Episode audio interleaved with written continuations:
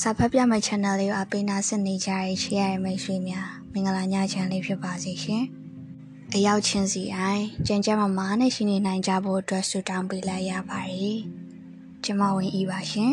။ဒီညမှာတော့ကျမက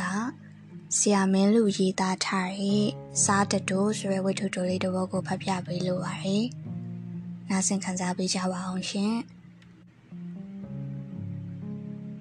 စားတတိုး မိမတယောက်ဟင်းချက်ကောင်းခြင်းသည်အိမ်အောင်တစ်ခုတာယာတည်ငြိမ်ခိုင်မြဲရေးအတွက်အဓိကအချက်ပဲလို့တော့မပြောနိုင်။တို့ရတွင်အရေးပါသောအခန်းကဏ္ဍမှာအထောက်အကူပြုသည်ဟုထင်၏။သမီးစားဘဝမှာချစ်ကထမင်းမချက်တော့ဘူးနော်။ဆိုလေရတယ်။အမေချက်ကြွေးလိမ့်မယ်။ညာကစားမှလည်းအရေးမကြီးသေး။ ချစ်ရဲ့လက်ရဆိုရင်ကောက်ရိုးကိုစီရဲခေါက်ဆွဲလှုပ်ကျွေးရင်တော့တသက်လုံးစားနိုင်ပါတယ်လို့ဆိုခဲ့ပြီးအိမ်အောင်တက်ကလေးရလာတော့မှပူညံပူညံဖြစ်တော့တာယောက်ျားများဟာထမင်းစာလျင်စိတ်တူတတ်သည်ဒီချာရဲရမှဟင်းကလည်းမကောင်းလက်ရကလည်းညံ့နေလျင်ဒေါသပေါက်ကွဲတော့တာပဲလင်မယားရီရန်ဖြစ်ကြရတဲ့အချောင်းရင်းတွေထဲမှာ ဟင်းကိစ္စကအကျင့်အများဆုံးတောင်ဖြစ်နိုင်သည်ဆိုင်မှာဝယ်စားလဲရတာပဲဟုဇောရကတက်เสียရှိ၏တို့ရတွင်ခံစားမှုချင်းမတူကြောင်းဆိုင်ထမင်းဟင်းစားနေကြလူတွေသိလိမ့်မည်ဘလောက်စားကောင်းတဲ့ဆိုင်မဲဖြစ်ဖြစ်ဘသူချက်တာလဲဆိုတာမသိရတနည်းအားဖြင့်သစိမ်းတယောက်ချက်တဲ့ထမင်းဟင်းကိုစားရတာ ဆိုင်ကဝန်ထမ်းတွေဆိုတာကလည်းတာဝန်အရသာအဲဝချီနေရတာတကယ်ຫນွေထွေးမှုအစစ်မဟုတ်စားလို့ပြီးရင်ငွေရှင်းရမည်အပေးအယူသဘောပြီးတော့ထားပြန်ပြီးတော့အိမ်မလို့ပလက်ကလထိုင်လေးပေါ်ထိုင်ရင်ထမင်းလုံးစီလို့မရတမေးမေးလို့မဖြစ်ဆိုင်ကထမင်းဝိုင်းသည် အလုတ်သဘောဆန်သည်ဝိညာဉ်ကင်းမဲ့နေသည် ထမင်းဟင်းကိစ္စသည်အိမ်နောက်သက်ရင်လာလေပို၍အရေးပါလေပင်ဖြစ်၏မိမတယောက်ဟာဘလောက်ပဲလှလှတအိမ်ထဲမှာကြကြနေရင်ရိုးသွားမှာပဲအလားအပါဆိုတာကလည်းအသက်ကြီးလိုက်ပျက်စီးမှာပဲကိုလုံးကိုပေါက်တွေအသားအရည်ဆိုပြီးချုံးမွေမှုတွေကလည်းအရွယ်နဲ့အမျှယိုယွင်းလာမှာပဲ။ ဟင်းချက်ကောင်းနေဆိုတဲ့အရေးချင်းကတော့ဘယ်တော့မှရုပ်ရော့ပြောင်းလဲသွားမှာမဟုတ်40ကျော်လဲဒီလက်ရပဲ50 80 80လဲဒီလက်ရပဲအချိန်ကြာလာတာနဲ့အမျှကိုယ့်ယောက်ျားရဲ့အကြက်ကိုပိုတောင်တီလာသေးသည်ခုလိုနေတိုင်းရှိကြီးချီနေပြီဆိုကြတဲ့ကကျွန်တော်ပဲချိုးချိုးတော့မယ်ဆိုတာစာနေစင်းဆရာကြီးများသိပြီးဖြစ်တဲ့အတိုင်းပါပဲ။ ဟုတ်ကျွန်တော်မိမဟင်းချက်ကောင်းကြောင်ပြောမလို့ပါကျွန်တော်သူ့ကိုချစ်ခဲ့တာဟင်းချက်ကောင်းကြောင်ကြိုသိလို့မဟုတ်တခြားယောက်ျားလေးတွေလိုပဲဒီကောင်မလေးမစိုးဘူးလာရဲဆိုပြီးချစ်ခဲ့ခြင်းသာဖြစ်၏ကြိုက်ခါစားတော့ငါဆိုသူ့ရဲ့ခင်မီဝတ်စားစီရင်ပုံကိုကြည့်ပြီးထမင်းအိုးတစ်လုံးတောင်ဖြောက်အောင်တင်နိုင်ပါမလားမသိဘူးဟုအထင်သေးမိသေးသည် နောက်ပိုင်းသူတို့အိမ်သွားလဲရင်သူ့လက်ရာကိုစားရတော့မှငါတို့ဒီတောင်ကမကြော်နိုင်တော့ဘူးလို့ဝန်ခံလိုက်ရတာသူအလုပ်ရပြီးနောက်ညနေရုံးစင်းချိန်မှာသွားကြိုသည်လောကယထာစီသည်ဘူရာစီကလေးမှာတာငါဟင်းဒီဟင်းရွက်ဝဲသည်သူ့အိမ်သို့လိုက်သွားသည်သူဟင်းချက်နေချိန်မှာကျွန်တော်ကငရုတ်တီထောင်းပေးသလိုလိုဘာလို့လို့လောက်ရင်းစကားပြောသည် ပြီးတော့ထမင်းအတူတူစားကြသည်တပတ်မှာ3-4ရက်တော့သူတို့အိမ်မှာညနေစာစားပြည့်၏ကျွန်တော်တို့အမေပြောဘူးတာရှိသည်မင်းတို့နော်ခုချိန်မှာတော့အမေကောင်းကောင်းချက်ကျွေးမယ်အိမ်အောင်ကြပြီလို့ထမင်းဟင်းကောင်းကောင်းမချက်တတ်တဲ့မိမမျိုးနဲ့တွေ့ရင်တော့ကိုထိုက်နဲ့ကိုကမ်းမယ်အဲ့ဒီခါကျတော့မင်းတို့မိမတွေကမင်းတို့ချီးလေးနဲ့ပဲကြွေးကြွေးအမေဘာမှဝင်ရောက်ဆွတ်ဖတ်မှာမဟုတ်ဘူး ကျွန်တော်ကဒီစကားကိုမှတ်ထားသည်တရက်မှာရီစားအိမ်မှာညနေစာစားပြီးမှပြန်လာတော့အမေကထမင်းစားရမလားဟိုအိမ်ကစားလာခဲ့ပြီဘာဟင်းများချက်ကျွေးလိုက်တယ်လဲမေးတော့ကျွန်တော်ကချီးနဲ့ကျွေးလိုက်တယ်အမေခုဖြေတော့အခါအမေကမျက်စောင်းထိုးသည် ကျွန်တော်တို့လက်ထပ်ပြီးမိမကအိမ်ကိုရောက်လာတိုးရဲစားကြတဲ့အခါကျမှအမေကိုရိုင်းကသူ့လက်ရာကိုကတွင်တွေးသွားသည်ဟိုဟာလေးချက်ကျွေးစမ်းမအောင်ဒီဟာလေးမစားရတာကြပြီဆိုပြီးတောင်းဆိုတက်လာသည်မကြာခဏဆိုလိုသူတို့နှစ်ယောက်အပြန်အလှန်ဤပညာဖလှယ်ပြီးပုံမကောင်းမွန်သောအဆက်အဟတ်တွေပူပေါင်းတည်ထွင်ကြသေးသည် ဟင်းချက်ကောင်းတယ်ဆိုတာကပစ္စည်းကောင်းသုံးနိုင်တာနဲ့လည်းမဆိုင်အဆက်အဟတ်တဲ့ဖို့လက်အစမှန်ဖို့အပြင်စိတ်ရှည်ဖို့နှင့်အချက်အပြုတ်ဝါဒနာပါဖို့လည်းလိုသေးသည်ကျွန်တော်မိမဟင်းချက်ကောင်းတယ်ဆိုတာအဲ့ရာရီချောင်းဟုတ်ထင်သည်သူကသားကြီးငါကြီးမှမဟုတ်အရန်ဟင်းလေးတွေကိုပါစားကောင်းအောင်လုပ်တတ်သည်ခရမ်းချင်သည်ပန်ထွေဖြော ငရုတ်သီးစိမ့်ငပိချက်မယန်သီးတောင်ခရမ်းသီးနှင့်ချက်ဥမွေကျော်ပုံရည်ကြီးတော့စသည်ဖြင့်သူနှင့်ပေါင်းပြီးမှကျွန်တော်ဘယ်တော့မှမကြိုက်တတ်သောချက်ဟင်းကားသည့်ချက်ကိုတော့မမမမောစားတတ်လာသည်အသားဟင်းဆိုရင်တော့ဘာပြောကောင်းမလဲသူက ခြေလေးချောင်းသားကိုငငယ်ကလေးကမစားဘဲရှောင်ခဲ့သူဖြစ်၏တို့ရတွင်ကျွန်တော်တို့စားဖို့တော့ချက်ပေးသည်လုံးဝမီမကြည့်ပဲအဆက်အဟက်တေးအောင်ချက်နိုင်တာပညာပဲသူချက်တဲ့ထဲမှာကျွန်တော်ရဲ့ favorite ကတော့ဝတ်သားနဲ့မြစ်ချင်မော့သူကဝတ်သားမစားသဖြင့်မြစ်ချင်ကိုငါးနှစ်အရင်ချက်သည်ချက်ပြီးဆိုမှအိုးခွဲပြီးဝတ်သားသုံးတက်သားကိုထည့် မီးမြင့်မြင့်နဲ့ပြန်တယ်ငါးနှစ်ဝက်ရတာနှမျိုးပေါင်းတော့ဘာပြောကောင်းမလဲတခါတလေဝက်စီဘတ်ထဲသည်ကျွန်တော်ကလည်းဝတ်သားနဲ့မြစ်ချင်ဆိုလျင် နောက်တနေ့ကျမှဆေးရုံတက်ရင်တက်ရပါစီလောလောဆယ်တော့တဝကြီးဂိုင်ပြစ်လိုက်တာပဲသူကထမင်းဟင်းမဲချက်တတ်တာမဟုတ်မော်ဟင်က အုံတို့ခောက်ဆွဲလဲကောင်းကောင်းချက်တတ်သည်စားဖို့သူတွေကမော်ဟင်ကဆိုင်ဖွင့်လျင်လူကြိုက်များမှာပဲဟုပြောကြသည်သူသာမော်ဟင်ကဆိုင်ဖွင့်ဖြစ်လျင်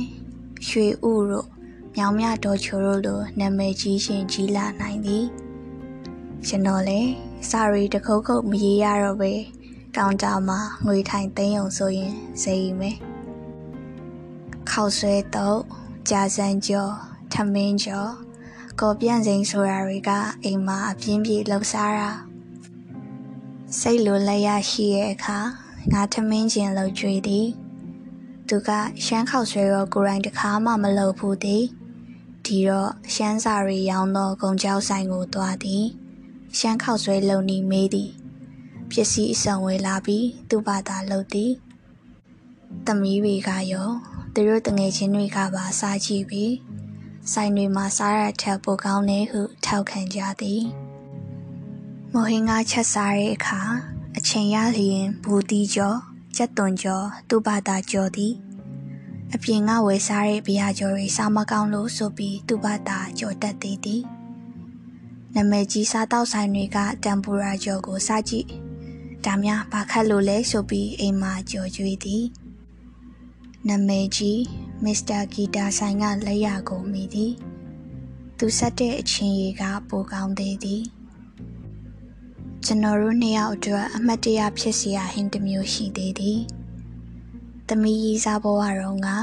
ရုံပိတ်ရက်တရက်မှာသူ့အိမ်သို့ရောက်သွားသည်ထမင်းစားချိန်လွန်နေပြီထမင်းစားပြီလားသူကမေးသည်ကျွန်တော်ကမ စားရသေးဘူးဒီရောက်မှစားမယ်ဆိုပြီးအဲ့ဒါမှဒုက္ခပဲဟင်းတွေအိမ်ကစားလို့ကုန်ပြီဘေးဥလို့ရှိကြော်ပေးရမလား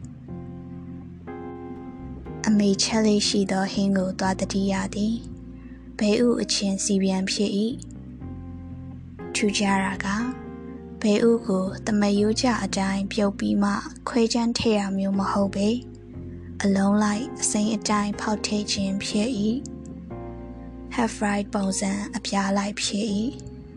ဘဲဥဖောက်ချက်ဟုခေါ်သည်မြန်လေးမြန်လွယ်လေးလွယ်သည်အရေးလေးအနှစ်လေးနဲ့ဆိုတော့စားလို့လေကောင်းသည်အမ်မစိုးစမ်းကြည့်မယ်ဆိုပြီးသူချက်တော့သည်ပြီးတော့ပြီးကြည့်ပြီးတခုခုလုံးနေတယ်လို့ပဲဟုတ်ပြီ ဟင်းနေကိုကိုရင်စီမဆလာဖြူလိုက်သည်မွေးတက်လာသည်ကနန်းမဆလာချက်လို့အရသာမျိုးသူချက်တာကအမေဟင်ထက်တောင်ပူကောင်းသေးသည်တခါတော့သူနှင်းကျွန်တော်ကြောက်ကစားဖြစ်ကြသည်ကျွန်တော်ကတစ်ဖက်သက်ဖြစ်တာသူကတော့ဘာမှပြန်မပြောဘဲတုံတုံမုံမုံကြီးသာလုံနေသည်ရုံးကအပြန် ခါတိုင်းလိုပူရာစည်းမှာတာငါမိုးရတော့ပဲအိမ်ကိုသာတန်းသွားသည်ကျွန်တော်စိတ်ဆိုးပြီးဆက်မလိုက်ဖဲလှည့်ပြန်ဖို့စိတ်ကူးပြီးမှသူတို့အိမ်အထိပါသွားသည် သူကနောက်ဖေးဘက်ဝင်သွားသည်ကျွန်တော်ကအိမ်ကမ်းမှာစူပုတ်ပုတ်မျက်နှာထားဖြင့်ငုံငူကြီးထိုင်နေသည်တော်တော်လေးကြာတော့သူအိမ်ကမ်းဝမှာလာရက်ပြီး ထမင်းခုပြီးပြီဟုလာပြောပြန်သည်မဆောင်ဟုပြောမိတ်ချန်တော့လေဖိုက်ကတော်တော်စားနေပြီတာဝန်အရလို့လို့စိတ်မပါတလို့လို့လှုပ်ရင်လိုက်သွားသည်ထမင်းစပွဲမှာထိုင်ပြီးကြည်လိုက်တော့ဘဲဥဖောက်ချက်ဟင်းမဆလာနန်းကဝေကနေဝင်လာသည်တရေတောင်ယူချင်လာ၏ ထမင်းတွေကိုအကြောင်းမဲ့လျှောက်ဖွာရင်အိုက်တင်ခံနေလိုက်သည် သူကဟင်းခတ်ထဲပေးသည်စာနေလို့ပဲလားမသိဒီနေ့ကျမှဟင်းကပိုအရသာရှိနေသည်ထမင်းတပကံကုန်ပေမဲ့မဝသည်သူကထမင်းဟုပြောသောအခါတော်ပြီဟုပြောပြီးမှပကံကိုရှေ့တိုးပေးမိ၏ သူကထမင်းထက်ထဲပေးသည်ဒုတိယပကံကုန်ပေမဲ့အာသာမပြေသည်သူကအထာပေါက်သွားလို့လားစားပြီးသွားလို့လားမသိသူ့ပကံကိုယူပြီးရှောင်ထွက်သွားသည်သူကြောပေးပြီးပကံစီးနေတော့ထမင်းမြက်မြက်ထဲစားရသည်ကျွန်တော်ကအစားနေသူဖြစ်သည့်တိုင်ဒီနေ့တော့ဘိုက်တင်းအောင်စားပြစ်လိုက်သည် မဆလာအရှိန်ကြောင့်ချွေးရီလည်းပြန်လာသည်စိတ်ဆိုးလည်းပြေသွားပြီကျွန်တော်သူ့ဘေးမှာသွားထိုင်ပြီးလက်စေးရင်စားလို့ကောင်းလိုက်တာဟုတ်လေပြေထိုးလိုက်သည်သူကလှည့်မကြည့်ပဲပလင်းနဲ့မှထညရှိရဟုပြန်ပြောသည်ဒီနီးဗျူဟာက တင်းမာမှုရော့ပါရေးအတွက်အလုပ်ဖြစ်ကြောင်းသူသိသွားဟန်တူသည်နောက်နောက်ကျွန်တော်စိတ်ဆိုးနေတဲ့အခါတိုင်းဟင်းကောင်းကောင်းလေးချက်ကြွေးတတာအခုတည်းပါပဲကျွန်တော်ကလည်းတဖြည်းဖြည်းပို၍ပို၍ဒေါသကြီးတက်လာလေတော့သည်တလောကသူ့အမတယောက်အိမ်လာလေသည်တခြားကြွေးစရာမရှိသဖြင့်မယန်းသီးမှဲ့ရီချကြွေးသည် မယန်းသီးနဲ့တို့စားလို့ရအောင်ဆိုပြီးကျွန်တော်မိမကစားရည်ຫນွေဂျူရည်ငရုတ်သီးမှုန်ရည်ရောဆက်ပေးသည်သူ့အမပြန်တော့မယန်းသီးတွေထည့်ပေးသည်ကျန်တဲ့စားတွေကိုပါအိတ်ကလေးနဲ့ထည့်ပေးလိုက်သည်သူ့အမအိမ်ပြန်ရောက်တော့ကလေးတွေကမယန်းသီးကိုစားနှင့်တို့စားကြရင်ကတာအငယ်ကောင်ကစားလေးကောင်းလိုက်တာဘယ်ရောက်ဝေလာလဲ မေးသည်အဲ့ရဝေလာတာမဟုတ်ဘူးနေ့တော့လှုပ်ပေးလိုက်တာဆိုတော့တားလှုပ်တဲ့လူကအန်တီတို့များစားတောင်ရတာရှိအောင်လုပ်တတ်တယ်။ဦးဦးကတိတ်ကန်ကောင်းတာပဲနော်။လို့ပြန်ပြောတဲ့ကျွန်တော်မိမကဒီအကြောင်းကိုဂုံယူသောလေတံဖြင့်ပြန်ပြောပြသည်ကျွန်တော်ပြုံးနေတော့သူက မဟုတ်ဘူးလားဟုတ်ထပ်မေးတဲ့ဖြင့်အင်းဟုတ်ပါရဲ့ဆိုပြီးခေါင်းငိတ်ပြလိုက်ရသည်စိတ်ထဲကတော့အဲ့ဒီစားလေးတို့မိခွင့်ရဖို့ငါဘက်ကဘယ်လောက်ထိအရင်နီးစိုက်ထုတ်ခဲ့ရတယ်လဲဆိုတာကိုတော့သူတို့မသိကြဘူးနော်မင်းလူ17ရက်17လ2017သို့အမတ်တရ ရွှေအမျိုးတီနိုဝင်ဘာ2017မူရင်းရေးသားရေးဆရာကို credit ပေးပါရရှင်။နားဆင်ပေးခဲ့ကြတဲ့မိတ်ဆွေများလည်းတညသားလုံးပေးကင်းလုံးချုံစွာအိပ်ပျော်နိုင်ကြပါစေလို့ဆုတောင်းပေးလိုက်ရပါတယ်ရှင်။